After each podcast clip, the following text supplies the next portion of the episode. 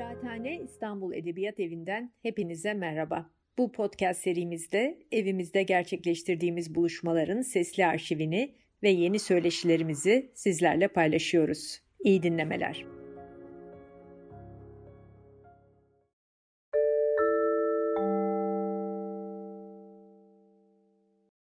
Ee, hoş geldiniz. Ee, merhabalaşmıyormuşuz. O yüzden o sözcüğü kullanmıyorum e, ben de. Ee, Gülten Akın bir sorumluluktur. Zannedersem bu sorumlulukla e, sizler de buradasınız ve birlikteyiz diye düşünüyorum. Şimdi böyle herkesi bir gerginlik e, kapsadı galiba. Ben biraz sonra soru sormaya başlayacağım şimdi. Gülten Akın nasıl bir sorumluluktur, neden buradasınız diye.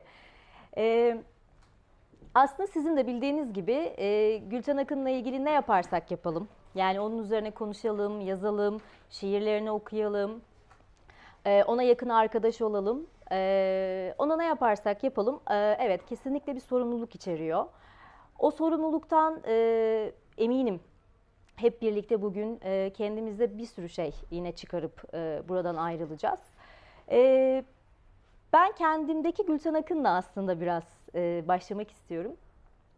Gülten Akın olmak e, benim için e, başlı başına bir e, kavram aslına bakarsanız. E, evet yani biraz iddialı bir şey söylediğimin de e, farkındayım. E, ama şunu e, söylemeye çalışıyorum.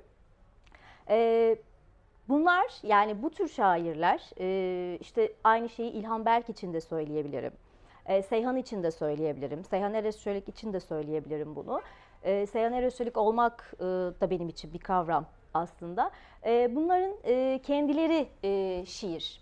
Dolayısıyla yani şiirin kendisini ifade eden şairlerden bahsediyorum. E, bu şairler e, izlekleri çok olan şairler e, bir yanda da.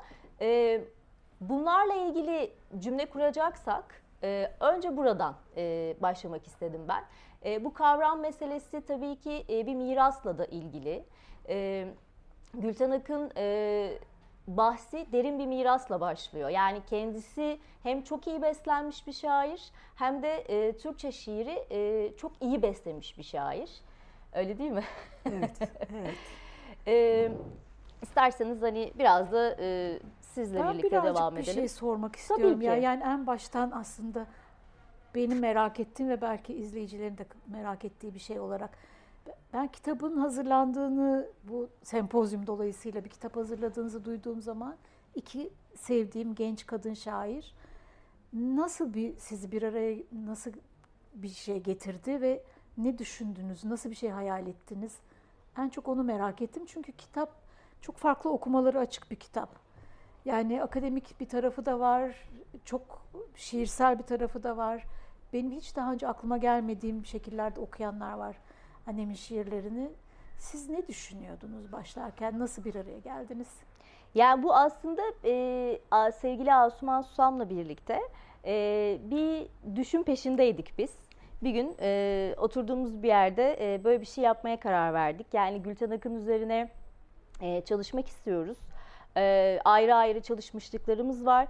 Ama hani birlikte e, kocaman bir e, kitap olması ama bu kitabı da e, birçok e, sesle e, bütünleştirmek istedik. Pek çok gözün bir araya gelmesini istedik. Ve tabii ki bu ancak bir sempozyumdan geçebilirdi. Böyle bir zenginlik. E, öyle bir sempozyum projesine giriştik. O sempozyumu da kendi oturduğumuz kentte, İzmir'de gerçekleştirmek istedik. Ve aslında gerçekleştirdik ve pandemi sebebiyle hayata karışamadı o sempozyum. E, 2020 yılı e, Mart ayında İzmir Büyükşehir Belediyesi'nin ev sahipliğinde e, bir sempozyum projesi oluştu. E, bugün de İncelikler Tarihi adını verdiğimiz aslında e, o kitabın yazarlarından e, oluşmuş bir sempozyumdu. Ve e, o sempozyum maalesef ki e, her şeyin ama böyle her şeyin hazır olduğu, konuklarımızın dahi bir kısmının geldiği, e, bir kısmında işte böyle uçaktayken bize haber geldi. Bütün Türkiye'de bir anda e, etkinliklerin hepsinin iptal olduğu kararıyla etkinliğimiz gerçekleştiremedi. E, siz de zaten uçaktaki ya. konuklarımızdan e, birisiydiniz. Geldik, geldik İzmir'e biz bütün kardeşler geldik ve geri döndük sonra. Ama yani o düş e, bence e, iyi iyi noktalara geldi. Daha sonra e, elbette e, yazarların oluşturduğu yazıları e, madem ki öyle e, kitap olarak e, bir araya getirelim ve toplayalım dedik. Onun üzerine çalıştığımız bir dönem oldu. İşte 2020'den 2022 yılı e, Mart'ın e, 10'u gibi bu arada duyurmuş olalım. Kitabımız raflarda yer alacak. İncelikler Tarihi, Gülten Akın şiiri, e, sevgili Asuman Susam'la birlikte hazırladığımız ve içinde bir yıl, e, biraz sonra oralara da geliriz elbette, yazarımızın da olduğu. O kitap e, böylelikle ortaya çıktı ve yayın evine ulaştı. Az önce e, sevgili Neslihan Cangöz ya böyle bir kitap mı vardı haberim bile yok dedi. Evet e, aslında bu güzel bir sürpriz de oldu. E, hem Gülten Akın okurları için, onu sevenler için, edebiyat tarihi açısından, Türkçe şiir tarihi açısından böyle bir buluşma e, olmuş oldu. Ben bu rolü çok sevdim. Burada ben soruları sorsam sen cevap versen. Şimdi ben de aslında çok konuşmak Fevkalade istiyorum ama bir durum. hep ben mi konuşurum ve hani kaptırırım kendimi diye düşünüyorum. O yüzden şey de daha soracağım, tabii ki lütfen. tabii ki. Bu şey incelikler tarihi ismini ben ilk gördüğüm zaman bu sempozyum sırasında daha biraz şey oldum. Yani annemin böyle artık klişe haline gelmiş bir şey var ya Tabii. ah kimselerin vakti yok şeyi dizesi. Hı hı. Ah dedim yine bu mu acaba yani? Bir böyle bir Asuman'la Duygun için böyle yaptılar. Fakat sonra yazdıklarınızı okuduğum zaman o incelikler tarihinin nasıl bir anlam taşıdığını, sadece o dizeden ibaret bir şey olmadığını anladım. Ama birazcık onu anlatman hoşuma gidecek doğrusu. Şöyle Kitabı yapayım. okumadan önce de. Tabii. Aslında yani şöyle e, bazen biz e, at koyma meselesi hani büyük derin anlamlar taşır ya. E, tabii ki öyle bir şeyden e, koyduk ama bütün bunlarla birlikte e, Gülten Akın'ın hem şiirine hem de e, şairin yaşamına ilişkin e, politik, estetik, etik her anlam her anlamdaki e, kendi şiirsel tarihi, edebiyat tarihi, bütün tarihleri açısından Gülten Akın'ın tam anlamıyla o inceliklerin e, kişisi olduğunu e, gördük. Tabii bunu sadece Asuman ve ben görmedik yani. Koca bir edebiyat tarihi var arkada. E, onun izinden aslında biz de geldik ve e, bizim çalışmamız vesilesiyle de e, yine pek çok e, yazarın, akademisyenin de e, yazdıkları bize kocaman bir incelikler ta yani öyle düşündük. Bir anda bir baktık ki orada bir incelikler tarihi var. Yani Gülten Akın tam da e, onu ifade ediyor diye düşündük. Tabii ben şunları da ekleyebilirim. Hani biraz önce bir e, mirastan e, söz açtık. Yani e, Gülten Akın şudur budur tabii ki e, demeyeceğiz bugün burada. Hepiniz çok iyi e, yakından tanıyorsunuz onu. Ama e, katılır mısınız belki o anlamda hani sormak istiyorum. Gülten Akın hakikaten e, akrabalıkları e, çok kuvvetli e, şiir tarihi açısından. Yani o e, şiir tarihinin damarları açısından e, çok çok güçlü e, akrabalıkları var. Ama e, kan bağı anlamında seçtiği böyle kılcarlar var. Bence burasıyla e, farklı ve özel bir şair. E, pek çok eleştirmenin de e, yazdığı gibi dönemleri aslında e, bunu da ortaya koyuyor. E, işte genel anlamıyla e, yine bildiğiniz bir bilgi işte üç döneme ayırırlar. E, bunu çeşitli adlarla tanımlayabiliriz. Hepsinin hemen hemen benzer e, anlama geldiği. İşte siz buna ilk üç kitap deyin, işte ilk dönem deyin, ikinci, üçüncü dönem. E, ve denilir ki e, işte ilk dönem, ilk üç kitap e, bireysel izleklerin e, peşinde bir e, dönemi vardır Gülten Akın'ın. E, işte ikinci dönemi için daha e, toplumcu, halkçı e, şiirlerini yazdığı bir dönem olarak. İşte üçüncü dönemi de e, bunların e, bileşimi denilen melez bir dönemi vardır. Şimdi ben de e, şunu eklemek istiyorum. Elbette bu saptama çok kıymetli. E, bu bizim evet şiir tarihini okumamız anlamında da çok önemli ya da Gülten Akın'ı anlamamız açısından çok önemli. Aslında e, dönemlerini birbirinden ayıramadığımızı da düşünüyorum zaman zaman. Ya da şunu söylemeye çalışıyorum. Ee, mesela ilk dönemine baktığımızda tamamen e, bireysel izleklerde olan e, bir dönemden ziyade bence e, Gülten Akın'da hani kişisel bir yerden topluma yine toplumdan kendisine e, gelen böyle bir döngünün içerisinde tekrar tekrar e, ikisinin hep bireşimi olan bir e, şiiri olduğunu düşünüyorum ve her dönemi için bunu düşünüyorum.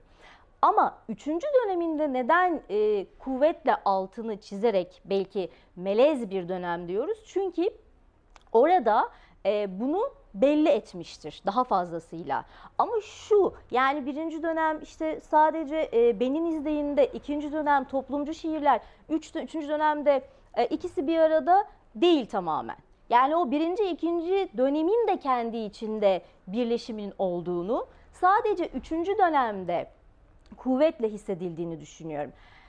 Ee, yani çok böyle birbirinden e, ayıramayacağımızı düşünüyorum. Mesela e, işte e, bakalım yani birlikte bakalım burada. İlk dönemi de denilen e, mesela ilk kitap Rüzgar Saatinden Deli Kızın Türküsü. Bakacağım şimdi buradan şurada. Ben sadece e, sizler için tekrar hatırlayalım diye bir dörtlüğünü okuyacağım. Keza e, mesela burayı okuduktan sonra şeyi düşünüyorum. İkinci dönemi denilen e, döneminden işte 42 günün şiirleri kitabını düşünelim. Seyran destanını düşünelim. E, sadece toplumcu bir e, izlekte yazılan bir şiir olduğunu düşünemiyorsunuz. Yani orada e, kişisel izlerin de olduğu, yani o kişiselden topluma, toplumdan kişisele giden bir döngünün evet koskoca o Seyran destanında 42 günün şiirlerinde görebiliyorsunuz. Ya da işte ilk dönem e, Deli Kızın türküsü ki çok meşhurdur bilir herkes bunu. Orada da e, sadece bireysel izleklerin etrafında toplanmamıştır. Mesela diyelim Yağmur yağar, akasyalar ıslanır, bulutlar uçuşur geceleyin. Ben yağmura deli, buluta deli, bir büyük oyun yaşamak dediğin. Beni ya sevmeli ya öldürmeli. Yitirmeli büyük yolların birinde ne varsa, böcekler gibi başlamalı yeniden. Bu Allahsız bu yağmur işlemez karanlıkta. Yan garipliğine yürek yan gitti giden. Yani e, ben mi böyle düşünüyorum? Hani e, sizlere de atacağım pası.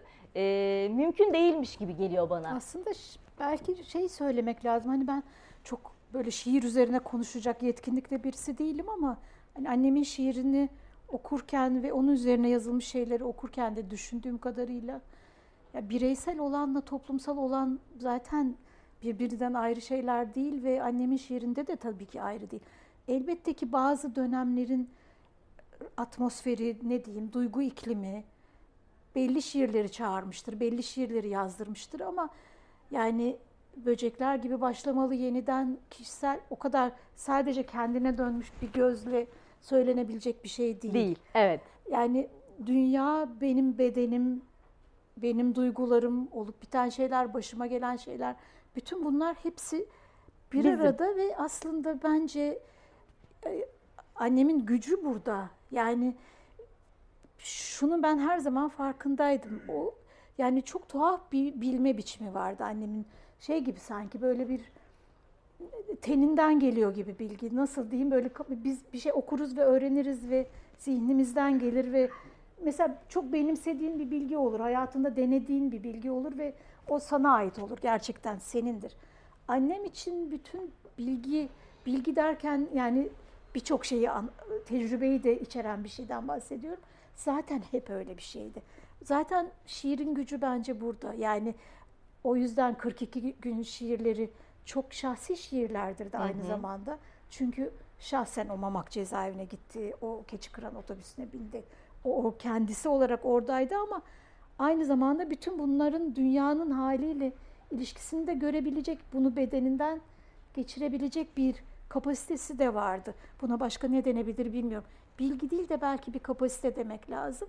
Hani o yüzden de bana da her zaman çok tuhaf gelmiştir. Kendisi de aslında bunu destekledi bu işte e, Gülten Hanım'ın şiirlerinin ilk dönemi, ikinci dönemi falan hiçbir zaman buna itiraz etmedi. Ama şunu ben biliyorum yani aslında öyle bir ayrım yoktu. Evet. Aslında yoktu yani. Belki biraz anlamayı kolaylaştırmak için dediğin gibi bir şeyi anlamı olabilir ama bir yandan Ay, da ama evet. yani belki de başka bir perspektiften bakınca biraz önce seninle konuştuğumuz kitap annemle ilgili birkaç kitap birden çıkıyor çok beni mutlu eden bir şekilde. Biri de Hasan Turgut'un e, hazırladığı o da galiba Mart'ta çıkacak. Orada da mesela aktör ağ kuramıyla Latour'un annemin şiiri arasında bir şey kuruyor. Çok acayip bir şey. Ve mesela orada şey görüyorsun hani e- eşya ile şeylerle e, insanlar, inançlar, duygu durumları filan arasındaki karmaşık ilişkilerin nasıl şiirde yansıdığını görüyoruz. Mesela o okumada biraz onu düşündürdü. Dolayısıyla da neyse ben bak aldım sazı pardon ben aslında Ay, şu rolü sevmiştim. E, Duygu Hanım siz e, nasıl buldunuz bu şeyi demek hoşuma gidiyordu ama yani bütünüyle bana başka bir yerden de bakılabilir. Çünkü bir bir külliyat var yani çok büyük bir külliyat var. Bir sürü yerden bakılabilir. Bu kitapta da benim en hoşuma giden şeylerden bir tanesi oydu. Ya mesela tiyatro, yani oradaki teatral ögeler, Gülten Akın şiirindeki teatral ögeler diye bir yazı var diyelim ki. Yahut da çeviri üzerine e, Salih Apaker bir yazı yazmış. Bayıldım o yazıya. Neden bayıldım? Çünkü şeyi o şiirin ritmini gösteriyor size. Yani sadece anlam değil, müziği de var, o kelimelerin ritmi var.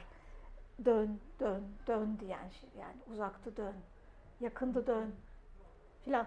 Bu, bu ne anlam, nasıl çevirebilirsin bunu diyor. Yani onu okurken şiiri yeni baştan okumanız gerekiyor. Sadece çeviri problemini görmüyorsunuz orada. Ritmi de görüyorsunuz. O yüzden de hani bu kitabı sevmemin sebebi o. Ne kadar katmanlı bir şiir ve ne kadar farklı şekillerde okunabilir. Ne kadar aslında zengin bir külliyat. Ee, onu göstermesi Tabii. bakımından da çok güzel. Yani o zengin külliyata belki şunları da ekleyebiliriz. Ee, Gülten Hanım e, şiirde anlamı önemsiyor. Yani bu nedenle işlevsel buluyor. Ee, ve e, o anlamla ilgili oluşturduğu böyle bir e, pürüpak dediğimiz e, filtresiz bir şiir de yazıyor. Hani retorik onda az o nedenle. Ha yok diyemeyiz. Var e, ve bence olmalı da her şairde. Ama retorik hakikaten Gülten Akın'da az. Ee, mesela o zenginliğin içerisine yine e, dildeki ses, temalar onda özel bir yerde duruyor. İşte kadın çok önemli, kadın imgesi çok önemli. Özellikle kadın imgesi e, hani oraya da geliriz elbette. E, modern e, şiirimizin kurucularından e, Gülten Akın'ın e, özellikle bu kadın imgesi aslında şiir tarihinde başka bir damarı da geliştiren, dönüştüren, kıran bir şeye de sebebiyet veriyor. Bir, onun kendi tarihini ama ikincisi Türkiye şiir tarihinde. Hani böyle bir e, şeyi de var. E, yani işte militanları görüyorsunuz, devrimcileri görüyorsunuz, ezilenleri görüyorsunuz, e, ev kadınlarını görüyorsunuz. Bilmiyorum yani mesela onun şiirinde ben her şeyi bulabiliyorum. Yalnızlığı bulabiliyorum. Hani belki de yani siz okurları çok daha fazla şey e, söyleyeceksiniz. O dediğimiz aslında o zenginlik, e, onun o e, şiirindeki belki de o hani e, tema paleti çok renkli. Kesinlikle öyle. Yani hani her şairin o kadar e, renkli paletinin olduğunu düşünmüyorum. E, Evet, evet. Ama oradaki e, palet hak- hakikaten e, çok renkli. Ya şeyi söyleyeceğim çok pardon. Tabii tabii lütfen. Murat Amungan bir konuşma yaptı. Aralık ayında Nilüfer Belediyesi'nin düzenlediği bir başka sempozyum vardı. Onun açılış konuşmasını yaptı ve ben ilk kez annemin şiirini tamamen böyle bir şeyden. Tema dedin ya, Ha. dokunmaydı. Murat Amungan'ın konuşmasında seçtiği tema ve annemin şiirindeki bu eller, dokunma, uzaklık, yakınlık ama bedensel uzaklık ve yakınlık. Hani bu bedensel ilişkinin nasıl bir tema olduğunu ben ilk kez onun konuşmasını dinlerken fark ettim. Hani dolayısıyla da biraz o katmanlar böyle bir tarafı da var. Hem bildiğimiz temalar, evet yani işte devrimciler var, e, aşk var, kadınlık meselesi var, annelik meselesi var filan filan. Ama bir yandan da işte böyle bir yerden baktığın zaman da evet dokunma da ve bu beni neden şaşırttı? Çünkü annem hiç dokunmayı seven bir kadın değildi. Yani böyle bir hani vardır böyle çocuklarını mıncıklayan anne, annem hiçbir zaman öyle bir kadın olmadı. Ama şiirinde bu var.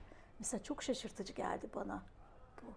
Evet yani e, mesela o hani ben de tema meselesinden ilerlersem o kadar çok e, temayı kullanmış ve e, yine baktığımda e, Gülten Hanım'ın e, şiirleri üzerine aslında epey inceleme var şimdi. E, onu biliyoruz. E, ve o incelemelerin pek çoğunda da işte genellikle onun e, dili nasıl kullandığı, işte atasözleri, de, deyimler, e, işte a, bir yığın şeyi nasıl kullandığı yani özellikle bunun üzerinden çok fazla yazılıp çizildi.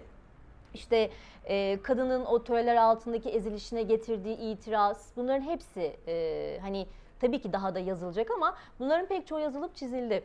Ben bir de e, o dokunma meselesi gibi şeyi de e, gördüm. E, mesela korku izleyi. Hmm.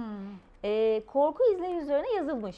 Ama nispeten e, bu biraz önceki saydığımız temalara göre az. E, dokunmak kadar e, ben hani korkunun da e, onun şiirinde e, ayrı bir yerde e, durduğunu düşünüyorum. Niye biliyor musun bunun yazılmamış olması? Çok lafını kestim Yok ama. yok. Yani böyle annemle ilgili şöyle bir imge var. Cesaret ana. Yanlış bir imge bu. Tabii ki çok korktuğu şeyler vardı. Elbette ki hangimizin yok. Biraz o imgenin e, gücüyle bunu görmekte zorluk çekti bence insanlar. Çünkü birçok şiirinde aslında korku, korkan kadınlar falan var yani. Evet ben de tam aslında oraya gelmek istiyorum. Ee, ya mesela şimdi e, naçizane hem bir Gülten Akın e, okuru olarak e, hem de e, beni de e, yazarken etkileyen bir e, şair olarak e, böyle baktığımda okuyorsunuz okuyorsunuz ve şey diyorsunuz. Ya burası niye çok fazla görülmemiş ama çok önemli. İşte mesela bende e, Gülten Akın'ın ayrı yeri denildiğinde ya da e, bendeki en büyük katkısı denildiğinde tırnak içindeki korku olgusu. E, ben mesela sizlere e, yani bilenleriniz muhakkak vardır ama bilmeyenler için veyahut hatırlayalım diye e, çok var e, gerçekten e, korku olgusu etrafında dönen şiiri. Ama ben e, korkak kadınlar şiiri var. E, özel, özel, özelde benim de özelimde. Size onu bir paylaşmak istiyorum. Çünkü burada hakikaten e, Gülten Akın o kendi döneminde Türkiye'de e, kadının yaşadığı o açmazı sosyolojik durum olarak harika bir şekilde ele alıyor. E, ve kadının aslında aşamadığı yeri de e, böyle biraz önce söylediğim gibi e, hiç retoriğe girmeden pürüpak bir şekilde bizlere filtresiz sunuyor. Şöyle şiir, onlar için pazarlar erkekler, sevda ile sıkıntı arasında bir gider bir gelirler. Genç ömrü aşmak, bir dağı aşmak, sırtta çocuklar, hala da genç sanmaları kendilerini. O sebeptendir. Saati sormadan korkuları vardır. Yitirmek tek yılgı. Sevdikleri sevmedikleri de olmuşsa zamanla. Şakırlar sevdiklerini de ötekini nevroza dönüştürüp saklarlar. Şimdi e, burada pek çok şeyi bence konuşabiliriz. Yani bir kadın olarak, bir şair olarak, bir feminist olarak bir yığın bağlamlarda bu metni okuyabiliriz. E, bu kadar hani şiire baktığımda e, dar bir alanda düş kurmakla e, ömrünü geçiren e, kadınların e, nasıl toplumsal yaşantısının e, da aynı zamanda darlaştığını anlatıyor. Yani erkeklerin e, o cıvıl cıvıl ortamlarda nasıl boy gösterirken işte kadının saati sormaktan bile o korktuğu ya da sıkıştığı dönemi bize anlatıyor. E, ve bu açmaz içindeki kadının e, bir biçimde e, Türkiye'de de nasıl görülmediğinin altını çiziyor. Mesela e, bu korkak kadınlar e, şiiri gibi bir yığın şiir yakaladım. Yani şeyi çok seviyorum. Ee, Gülten Akın üzerine zaten bu yapılıyor. Bizim şu anki e, çıkacak kitabımızda da bu var. İşte Emel Kaya mesela e, söylem analizi üzerinden bakmış. O kadar güzel böyle harika böyle ince ince ince ince toplamış.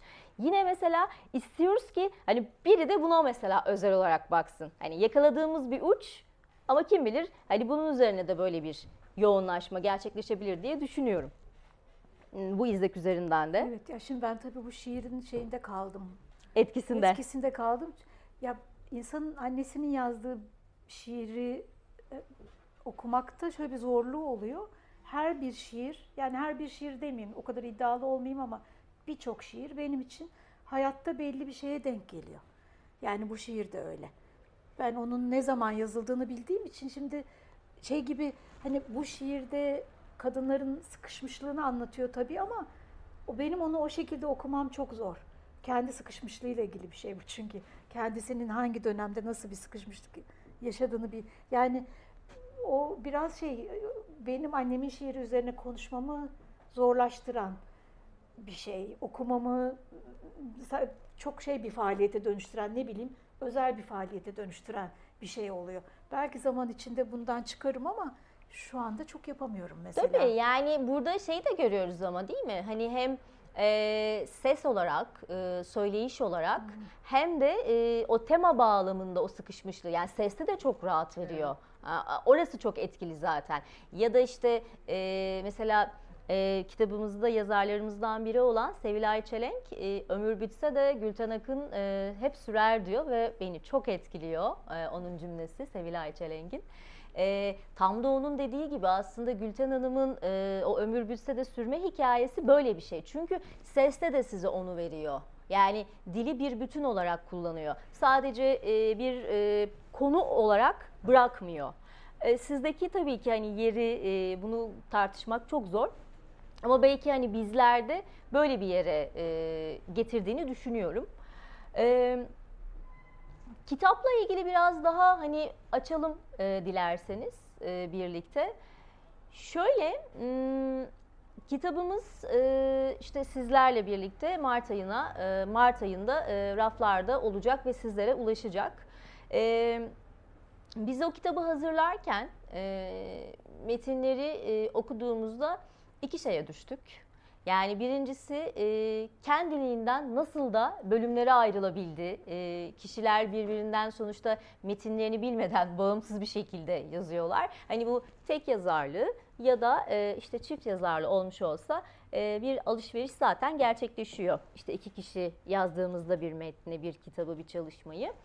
E, burada da şey böyle e, birbirine nasıl böyle akraba olmuş e, metinler var dedik.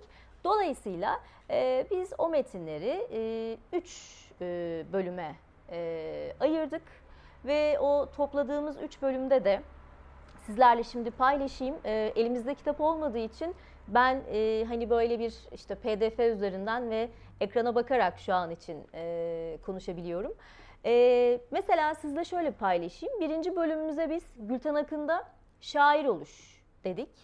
Um, İkinci bölümümüze Gülten Akın'ı okumak dedik. Üçüncü bölümümüze de pardon bakacağım şimdi. Gülten Akın'ın yüzleri dedik.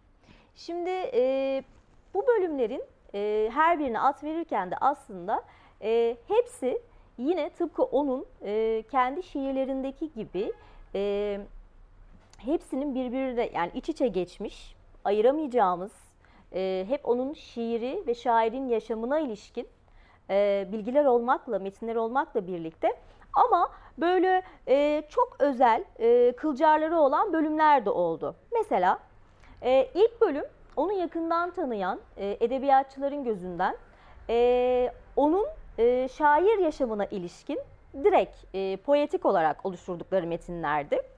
Mesela oranın yazarlarına bakalım. Burada Necmi Yalpay, Mahmut Temizyürek, Salih Apaker, Sevilay Çelenk, Olcay Akyıldız ve Metin Celal var. Bölüm yazarlarımız. Ee, onlar da e, işte Gülten Hanım'ın aslında e, Türkçe şiirin gelişimine nasıl etki etmiş e, ya da e, şiirin yani o Türkçe şiirin gelişiminde nasıl rol oynamış e, onları e, açan e, metinler. Ee, biraz önce bir e, Sevilay Çelenk dedim. Ee, Sevilay Çelenk e, hakikaten çok özel bir yazar. Ee, onun bir alıntısını sizle e, paylaşmak istiyorum kitapta Gülten Hanım'la ilgili. Şöyle söylüyor. Gülten Akın'ın hayatında ve şiirindeki doygunluk, dolgunluk olarak tanımladığı şey entelektüel ya da sanatsal bir uğraşı zor koşullarda üstelik de büyük başarılara imza atarak sürdüren kadınların dünyanın her yerinde benzer bir biçimde yaşayacağı bir hissiyatla ilgilidir sanırım. Gülten Akın'ı kara saçlarını kestiği yerden sade ve karizmatik alıp ömür zamanının ucuna getiren bir doygunluk. Ömür bitse de Gülten Akın hep sürer. Biraz önce dediğim şey aslında bu kestin kara saçlarımı ben bir cümle söyleyeyim buradan e, size de bırakayım. E, tam da aslında Çelenk'in dediği gibi yani e, o kestiği kara saçlar e, Türkçe şiirde e, bir doygunlukla birlikte bir dolgunluk ve e, kalıcılığı yaratıyor ki işte evet ömür bitse de Gülten Akın hep sürmüş oluyor. E, bunun üzerine birkaç şey daha söyleyeceğim ama sizin kesim kara saçlarına ilgili bir özel e, şeyiniz var. O yüzden önce size bırakayım sonra ben devam edeyim. Yok yok hiç öyle Edeyim bir şey mi? Yok, ha, tabii, tabii. tamam. Yani şöyle e, bu kestim kara saçları e, Sevilay Çelenk'in dediği yer o kalıcılık meselesi diğer e, metinlerle de örtüşüyor. Mesela e, şeyin e, en başta Necmiye Alpay'ın e, metninde yine benzer örneği görüyoruz. Daha sonra e, aynı şeyi Olcay Akyıldız'da görüyorum. E, biraz önce o söylediğim e, birbirinden bağımsızca yazmış yazarların aynı noktada, aynı uçta e, hani o kalıcılık meselesinde belki aynı dizede takıldıkları yer e, bizim mesela bölümü oluştururken çok kolayca e, karar verdiğimiz bir şey oldu. Sonra e, biraz ikinci e, bölümden bahsedeyim. E, ikinci bölümde bu kez e, edebiyatçıların e, Gülten Akın'ı e, kendilerini nasıl yorumladıkları e, yani ve kendilerine nasıl tercüme ettikleri bu sefer daha tersi bir e, bakışla yazarların ele aldığı e, metinlerdi bunlar. E, burada da e, yazarlarımız Cevat Çapan, Haydar Ergülen, Roman Karavadi, Ömer Erdem, Semih Çelenk, Pelin Özer, İnanç Avadit bu bölümün yazarları. E, mesela burada e, Haydar Ergülen yine e, ilginç bir e, saptamada bulunuyor kendisi. E, şöyle bir şey söylüyor. Yani diyor ki Gülten Akın'ın şiirinde olandan çok acaba olmayanı mı konuşsak? Yani o e, kendisinin e, izlekteki zenginliği, o e, paletindeki yoğunluğu e, biraz daha Haydar Ergülen orayı hem kelimelerle kurduğu ilişki hem de e, Gülten Akın'ın 1950'den ömrünün sonuna kadar getirdiği e, şiir tarihindeki e, yoğunluğuyla ilgili söylüyor. Yani Gülten Akın diyor e, tıpkı Nazım Hikmet'teki işte insan manzaraları gibi bambaşka bir e, insan manzaralarını sunmuştur. E, tabii ki bu sunduğu insan manzaraları işte insanlar, kentler, dostluklar, kadınlar, ilişkiler, incelikler e, pek çok şeyi kapsıyor ama bununla da kalmıyor diyor Haydar Ergülen. E, bunları e, kendi süzgecinden geçirerek başka bir birikim olarak bize bırakıyor diyor ve tabii ki bir hafıza oluşturduğunu söylüyor. Yine e, hani bu bölümde de e, Gülten Akın'ı aslında e, kendi gözünden yorumlayan e, şairlerin e, zeminin, zeminiyle karşılaşıyoruz. E, üçüncü bölüme geçmeden önce ya ben hep çok konuşuyorum ve bu böyle şey gibi oluyor, durağan bir Bu şey şeyle oluyor. ilgili bir şey. Sizlere saldıracağım da biraz. Ha, belki de daha iyi olur o. Evet. Bir şey söyleyeceğim ama bu kendinden geçirmek dedin ya. Tabii. Şu, annemin röportajlarından birinde söylediği bir şey vardı. Sonra yazdı da bunu. Diyor ki gerçeklik öyle bir şeydir ki sanata dönüştürülmesi için öldürülmesi gerekir önce. Sonra yeniden canlandırılmak üzere. Yani tıpkı geyik avcılığı gibi bir şey. Tam olarak bu metaforu kullanarak konuşuyordu orada. Yani onu olduğu gibi mesela işte kadın sorunu. Kadınlar çok bunalıyorlar evde ve çok daralmış hayatları var. Bu sosyolojik bir bilgi yani. Bunu bir sanat bilgisi haline getirmek işte kendi bedeninden geçirmek falan derken kastettiği de herhalde böyle bir şey. Onu bir başka düzeye sıçratmak için öldürmek gerekiyor önce. Sonra yeniden bir başka düzeyde yeniden ifade etmek, yeniden canlandırmak gerekiyor. Şiirin yaptığı şey aslında değil mi? Tabii. Sanatın yaptığı şey de bu. Sadece ona özgü değil. Fakat şöyle bir tarafı var annemin. Almışken bunu da söyleyeyim. Yani hem iyi bir şair ama aynı zamanda şiiri düzde kuşatmak gibi şeylerinde de gördüğümüz şiir üzerine düşünen biri. Yani onunla ilgili şu imge beni her zaman rahatsız etmiştir. Bir fırsat bulmuşken bunu söyleyeyim.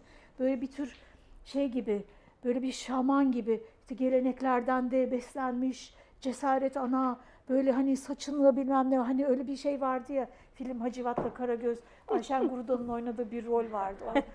Yani hiç alakası yok. Asla öyle birisi değildi. Yani ne yaptığını çok iyi biliyordu. Çok okuyan biriydi. Başka şairleri de okuyordu. Yani edebiyat ve edebiyat dışı üzerine çok okuyan biriydi. Annem modern bir şair bir defa. Yani onu asla e, başka türlü algılanmasını istemem. Kendisi hiç umursamazdı böyle şeyleri. Asla düzeltmedi kendisiyle ilgili yanlış imgeleri falan. Aldırmadığı için mi bilmiyorum yani ilgilenmiyordu galiba bununla ama benim çok canımı yakıyor. Yani modern bir şair, çok ya ne yaptığını bilerek yazan bir şair, okuyan birisi. Yani doğru dürüst İngilizce bilmezdi. Fakat Emily Dickinson'ın şiirleri vardı evde ve onunla ilgili bir şiiri de var. Emily seninle birlikte falan diye bahsettiği Emily o Emily. Yani o şey biriydi. Başka mesela Behçet Necatigil'in ya da mesela müthiş bir Metin Altıok şiiri analizi vardır. Başkalarının şiirleri üzerine de analiz yapan birisi. O yüzden de hani Gülten Akın'da şair oluş sadece Olcay Akyıldız'la ilgili şeyi birazcık evet. Evet, evet. Onun yazısında bahsediyor. Olcay Akyıldız dedikodu kısmı, bu magazin kısmı. Yazmış neyse bunu. Evet evet yazdı. Annemi ziyarete gitmişler Birhan Keskin'le birlikte. Çok kibarca şey diyor. E, öyle bir şey söyledim ki beni uyarma ihtiyacı duydu nezaketle ama haddimi bildirdi bana diyor. Çünkü yani şey demiş belli ki siz şairsiniz hani büyücü gibi bir şeysiniz aslında olağanüstü şeyler yapıyorsunuz filan. Annem hiç sevmezdi böyle şeyde bak. Sevmediği şeylerden biri bu. Ona şunu söylemiş. Yani ben ne fil dişi kuledeyim ne böyle bir şeyleri e, eğlendirecek insanları yaptığı büyülerle eğlendirecek biriyim. Ben ne yaptığımı biliyorum. bilinçli olarak belli bir amaçla yapıyorum bunu. Bir iletişim aracıdır şiirde. Yani bir büyü falan değildir. Elbette ki özel bir şey, özel, özel bir araç ama hani ben pekala senle konuşabilirim. Yani böyle bir e, şey başka bir dünyadan seslenen birisi gibi değilim deyip sonra da ama gönlünü de almış neyse ki. Hmm. Orada bırakmamış. Sonuçta genç bir kadın olacak. Akyıldız oraya gittiği zaman hele kim bir kaç yaşındaydı. E, bundan hoşlanmazdı böyle bir şeyden. Yani şiirle ilişkisi böyle bir şair oluş öyle ulvi bir şey falan değildi asla. Ee, modern bir şair sonuç olarak. Evet bu arada kitapta onu e, Olcay Hanım da çok güzel evet, evet. ifade ediyor. Çok hoşuma gitti o. yani çok samimiyetle ve aslında tam olarak anlamış olduğunu düşündüm. Kesinlikle. Yazıyı okuduğum zaman. Biraz da üçüncü bölümden bahsedeyim. Üçüncü bölümde e, bence ilginç bir bölüm. E, çünkü bu bölüm daha çok e, böyle akademik e, metinlerin e, yer aldığı bir e, bölüm oldu. Bölümümüzün yazarları e, Betül Mutlu, Hüseyin Köse, Yusuf Alper, Emel Kaya, Hayri Kayetik, Ali Özgür Özkarcı, Didem Gülçin Erdem ve Ruken Alp. Ruken Alp zaten aynı zamanda Gülten Akın üzerine e, tezi var. var, tezleri var, çalışmaları var, bir yıl e, çalışması var. E, burada da şey tabii ki yani onun şiirinin e, farklı yüzlerine eğildiler. E, her biri değişik bir şey buldu. İşte birisi söylem analiziyle ilgilendi, birisi folklorik açıdan baktı. Ya, işte birisi 50'ler dehlizi dedi, e, işte Leyla Erbil'i koydu, Gülten Akın'ı koydu. Baya baya e, yeni ve çeşitli okumalar yapıldı burada da. E, ben hani geneli olarak aslında şey diye düşünüyorum. Bütün e, üç bölümde de e, yeniyi söyleyen çok metin var ama hani üçüncü bölümde ayrıca böyle bir e, bağlam üzerinden okumalar olduğu için daha kolay hani e, yeni okumalar diyebiliyorum ben. Biraz daha akademik ve rahat söylemek açısından.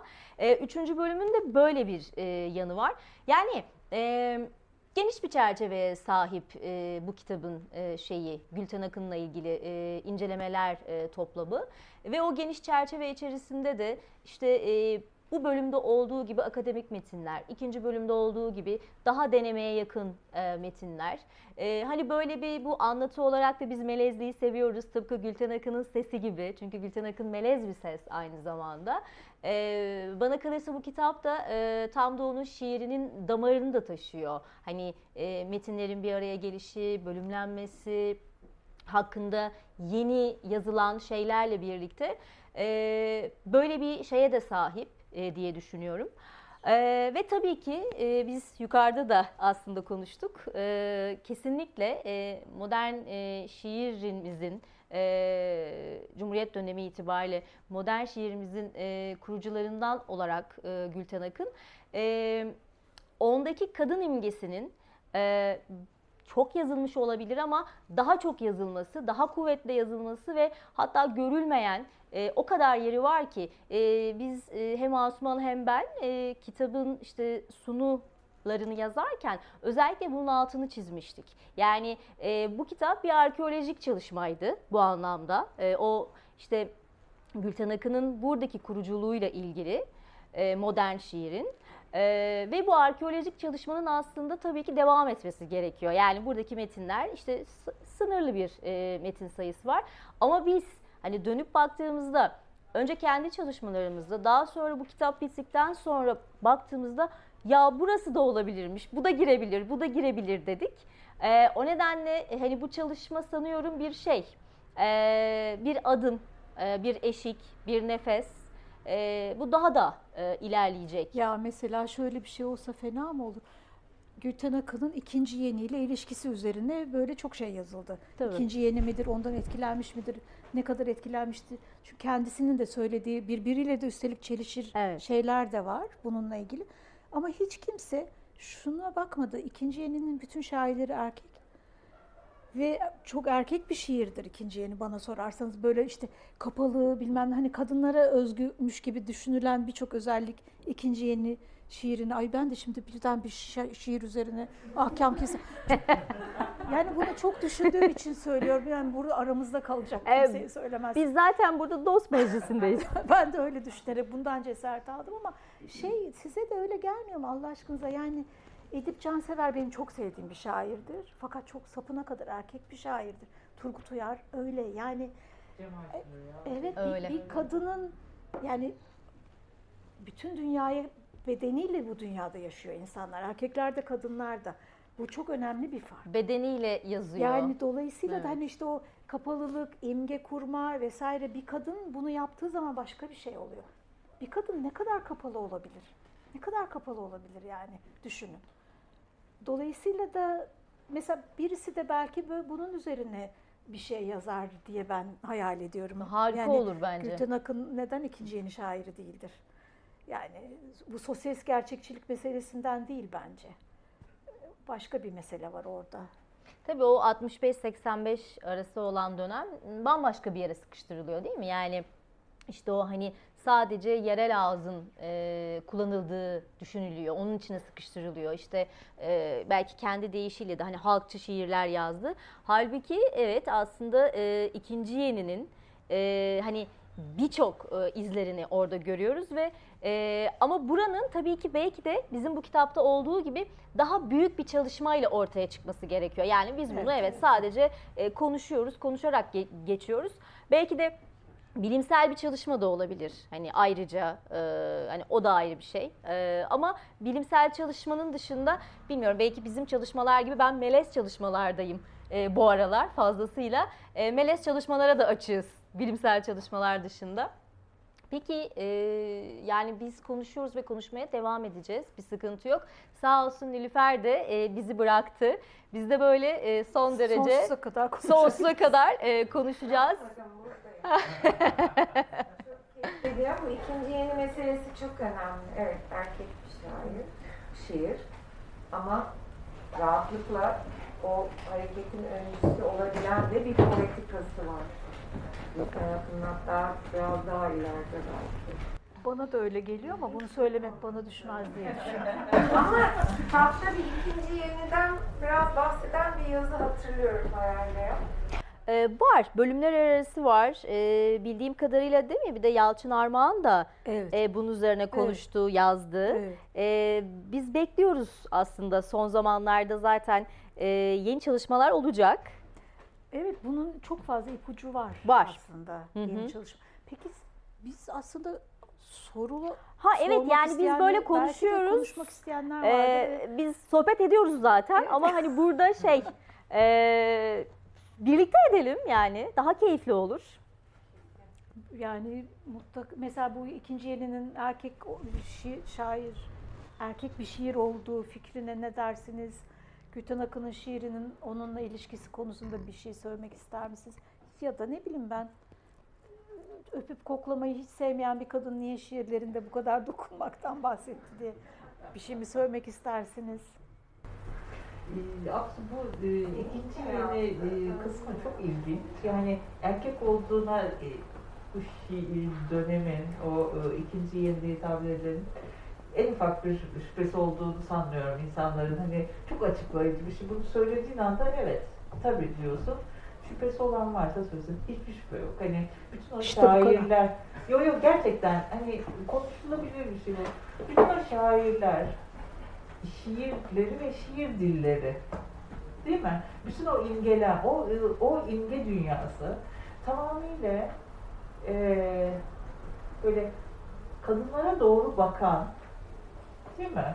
Eee, çok iyi sevişen hani o şimdi şeyleri falan düşünüyorum. Üvercin kayı falan. Üvercin kayı falan düşünüyorum. Eee, buradaki eee, kadın imgesi böyle bir imge. Değil mi?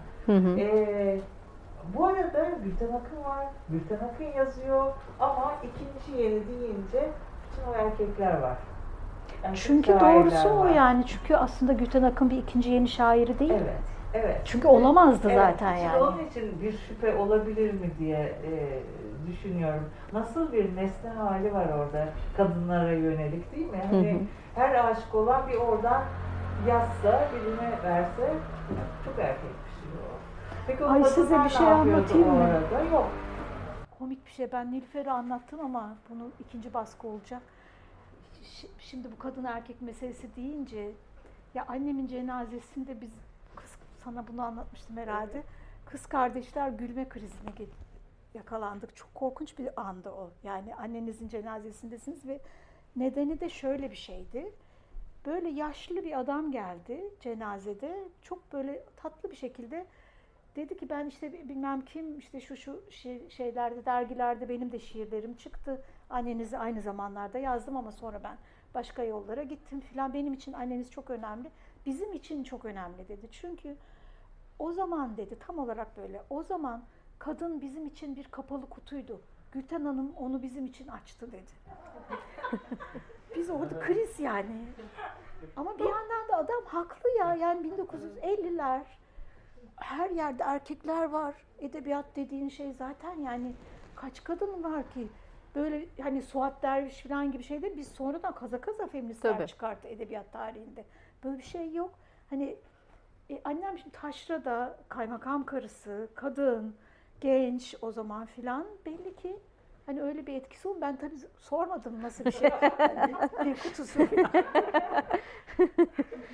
bu, bu imge bana bir şey anlatıyor ama yani e, o zamanın ortamı ve annemin ne kadar yalnız kalmış olabileceği e, bu şeyle ilgili yani hayattaki yalnızlık falan bir tarafa yani şiir ortamında bu kadar iyi şiirler yazan bir kadının ne kadar yalnız kalmış olabileceği.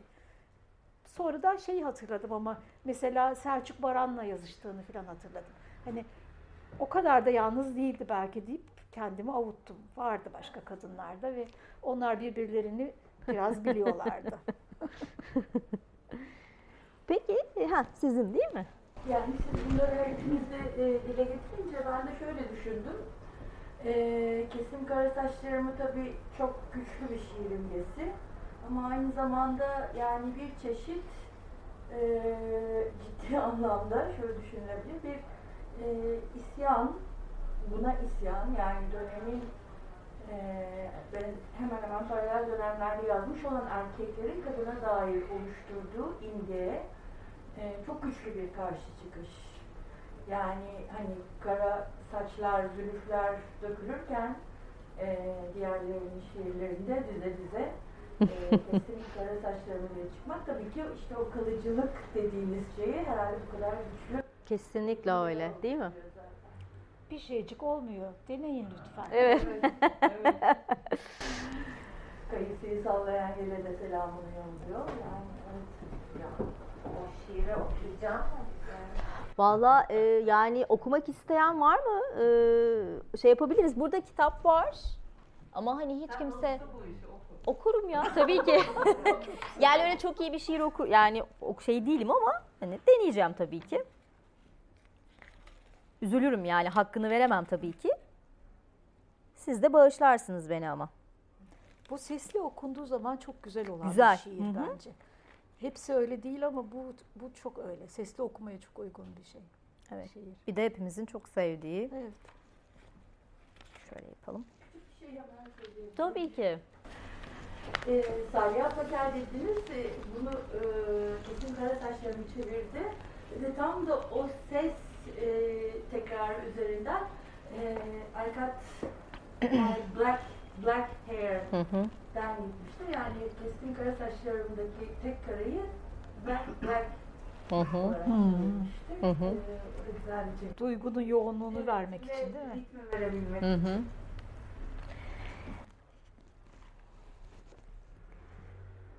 Çok e, korktum şu an. Yani normalde şiir okumaktan korkmam ben de.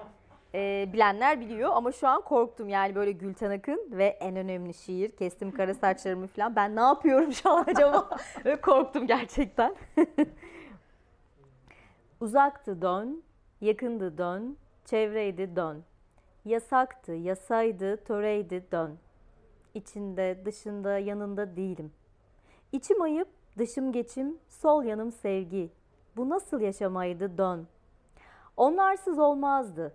Taşımam gerekti, kullanmam gerekti. Tutsak ve kibirli, ne gülünç. Gözleri gittikçe iri, gittikçe çekilmez. İçimde gittikçe bunaltı, gittikçe bunaltı. Gittim, geldim, kara saçlarımı öylece buldum. Kestim kara saçlarımı. Ne olacak şimdi? Bir şeycik olmadı. Deneyin lütfen. Aydınlığım, deliyim, rüzgarlıyım. Günaydın Kaysa'yı sallayan yele. Kurtulan, dirilen kişiye günaydın. Şimdi şaşıyorum bir toplu iğneyi bir yaşantı ile karşılayanlara. Gittim, geldim, kara saçlarımdan kurtuldum. Çok güzel okudun. Yani e, şey e, çok Güzel etkileyici. şiir değil mi? Çok çok etkileyici. Hani bunu okuduktan sonra çok normal kalamayız herhalde. Hemen kalkıp gitmeliyiz ya da başka bir şey yapmalıyız. E, hepimizin çünkü şey e, duygu durumunu hakikaten e, etkileyen bir şiir. Nilüfer bir şey söyleyecek. Evet. E, çok güçlü bir e, kopma imgesi.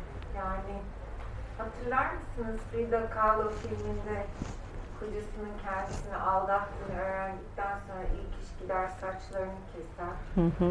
O haliyle de saçlar yerde aynada o keloş haliyle kendi resmini yapmıştır.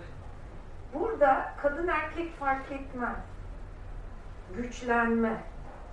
Bir insan olarak gücüne sahip çıkma.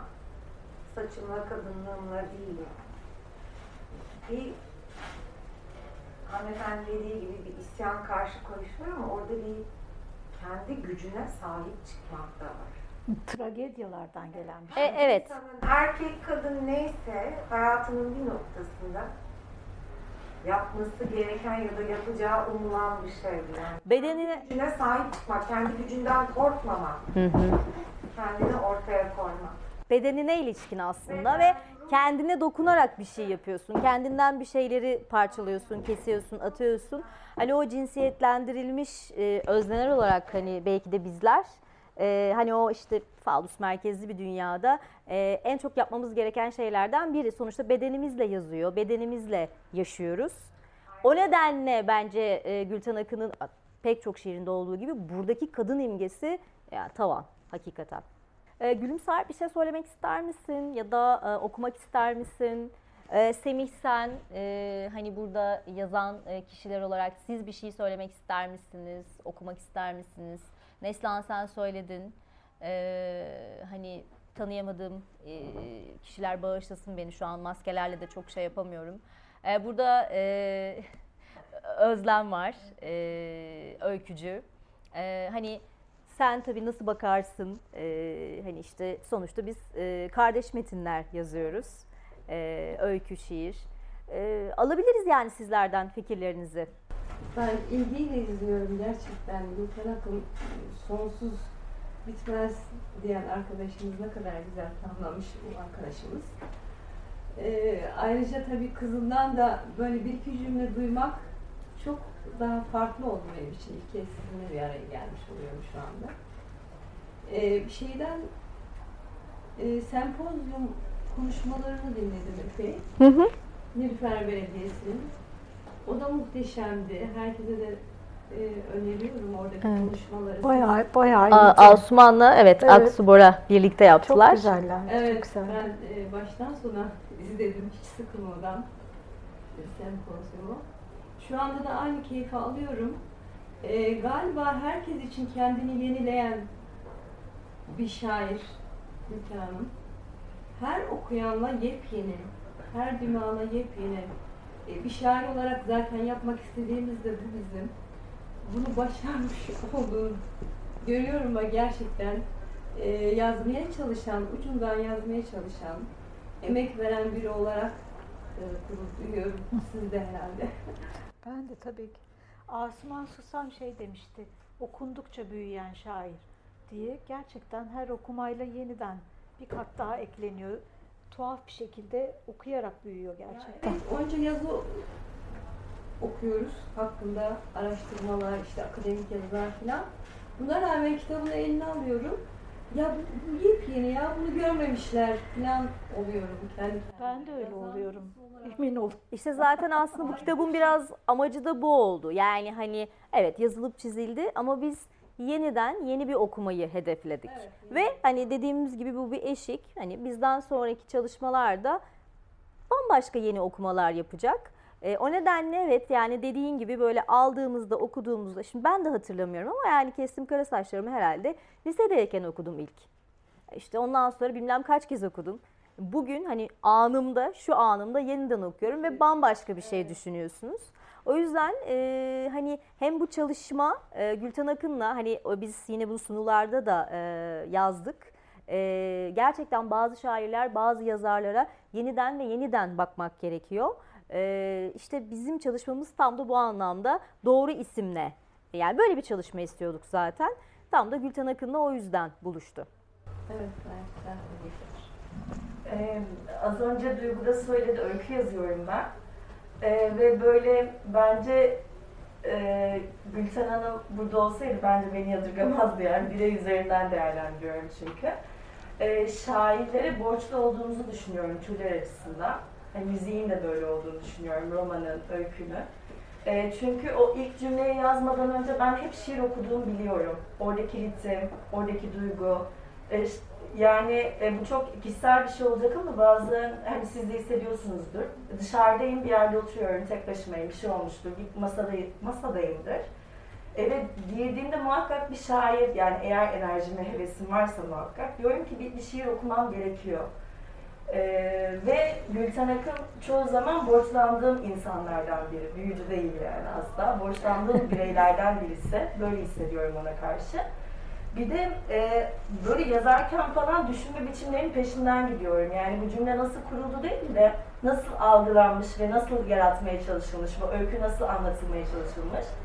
Burada e, dolayısıyla e, işte o duyguyu, düşünceyi anlatan ve beni tavlayan şairleri e, böyle dönüp dolaşıp kıble gibi görebiliyorum açıkçası.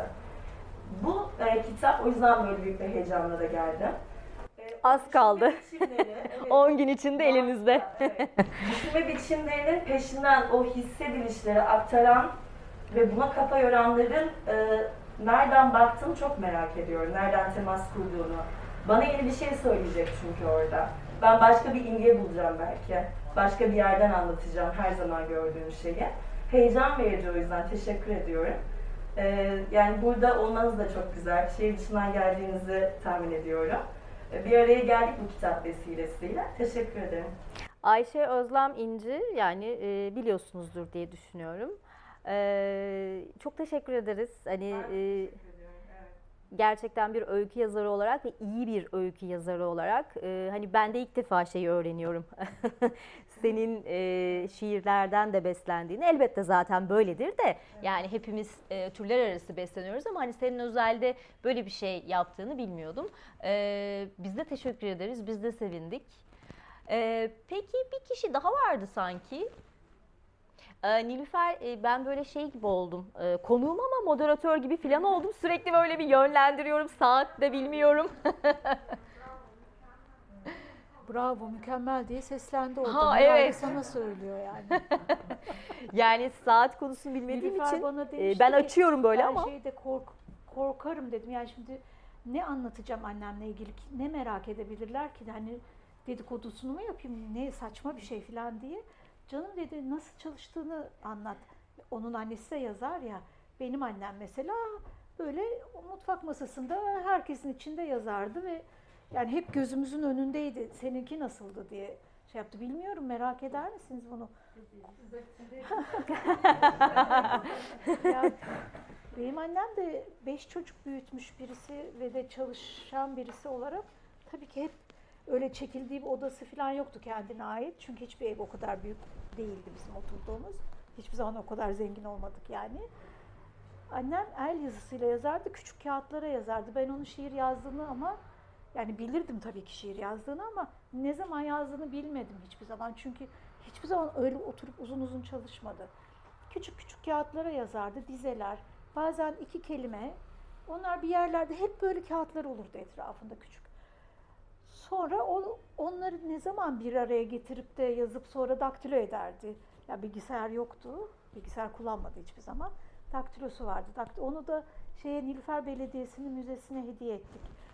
Şey bir yazarlar müzesi var. Daktilo nereye de saklanması gerekirdi. Şimdi laftan lafa atlıyorum ama bu şey çok büyük bir e, insanın üzerinde yük. Bu kadar büyük bir şairin bir, bir anlamda mirasçısı olmak. Bence tabii onun esas mirasçısı başka şairler. Ama çocukları olarak bizim üzerimizde de şöyle bir yük var. Mesela bir sürü mektup var. Bir sürü işte bu el yazısıyla yazılmış şeyler var, notlar var filan. Hani öyle bir şey olsa ki bir ara onu aradık ama bulamadık. Türkiye'de bir edebiyat müzesi olsa, gerçekten bir kütüphane olsa da oraya versek. Mesela işte Abidin Dino ile yazışmalarını Sabancı Müzesi'ne verdik. Çünkü Abidin Dino'nun bütün şeyleri, mektupları zaten orada olduğu için. Filan. Bu büyük bir yük. Dolayısıyla da hani böyle çalışmalar biraz bu yükü paylaşmak anlamına geliyor. Bu, bunun altında yoksa insan ezilir. Yani hem şunu istiyorsunuz, bu paylaşılsın, bilinsin, bütün o mektupları insanlar okusun. Bir yandan da annemin şöyle bir şiiri var. Tam şimdi şeyi hatırlayamayacağım ama şen elmalar gibi ortalığa saçıldı, titizce sakladığım ne varsa. O öyle bir durum yaratmak da istemiyorsun. Titizce sakladığı şeyleri şen elmalar gibi ortalığa yaymak da istemiyorsun. Zor bir durum yani. O yüzden de biraz böyle kadir bilen, onu seven, onu anlayan insanların onun üzerine çalışması biraz bizim yükümüzü hafifleten bir şey. Tabii. Birileri bir şey yapıyor ve ha diyorsun işte bak paylaşılıyor böyle bir. Ya işte annem öyle çalışıyordu. Neyse Nilüfer'in sorusu acaba. Yani hep ortalıktaydı, hep gözümüzün önündeydi. Fakat bizim için tabii çocukları olarak biz diye kastediyorum. Bizim için yazmak, yani bir annenin yazması o kadar olağandı ki hani bunu ben lisedeyken falan fark ettim o- olağan bir şey olmadığını. Yani bütün anneler yazıyor zannediyorsun. Yani senin annen yazıyorsa öyle bir şey oluyor. Çok geç bir zamanda fark ettim. Bir de bir şey daha anlatabilir miyim? Tabii ki. Ay çenem düştü ama. Geçen gün bir komşumla konuşuyordum. Annelerimizden bahsediyorduk. Hayatında tek bir dizi, Gülten Akın dizisi okumamış birisi olduğu için çok daha rahat konuşabildim onunla. Tabii ki. Yani tahmin edersiniz ki zor bir durum da var ortada. Bana şöyle bir şey söyledi. Ben anneme kızacak vakit, vakit bulamadım hiç. Yani fırsat bulamadım dedi. Onun için üzülmekten. Sonra o anda düşündüm ki annemin bana verdiği en büyük hediye herhalde bu. Hiçbir zaman onun için üzülmedim. Yani dolgunluk, doygunluk falan dedin Hı hı, ya sen. Evet. onun dolgun ve doygun bir hayatı vardı. Tatmin olmuş bir kadındı. Her anlamda yani düşünsenize Türkiye gibi bir yerde o kadar çok okunan ve sevilen bir şairsiniz ve bir her zaman annemin ikinci bir hayatı vardı. Yani başka annelerden farklıydı o anlamda. İyi ki öyle bir hayatı varmış. Ben çocukken bundan çok mutlu değildim tahmin edersiniz ama şimdi düşündüğüm zaman bu bana hediyeymiş. Çünkü kadın özgürleşmesinin ne demek olduğunu aslında feminist falan olmasına gerek yoktu ki bana gösterdi işte. Onun için üzülmek zorunda kalmadım ben hiçbir zaman. Sadece son zamanları, çok yaşlandığı zaman o başka bir şeydi ama e, ne büyük bir hediyeymiş. Ee, yani e, bitirebiliriz de, devam edebiliriz de bu sizlerle ilgili ve süreyle ilgili. Ee, bize sorularınız var mı? Ya da katkılarınız var mı? Ben küçük bir soru sorabilir miyim? Tabii. Ee, ben de kitapta e, Gülten hakkında e, siyasal izler, izler diye bir yazı yazmıştım. Ben kişisel bir şey merakım var. Az önceki e, gelen bağlam üzerinden. O şair personasını tam olarak ortaya koyduğu ve çevresinde e, ve e, tam olarak kabullenildiği zaman çok mu geçti? Yoksa yani çok erken zamanlarda o şair kimliğiyle yani edebiyat çevresinde değil, sadece kendi çevresinde, aile içinde e, ve yakın çevre içinde çok mu geç ortaya çıktı? Yo hep hep Daha hep kabul et.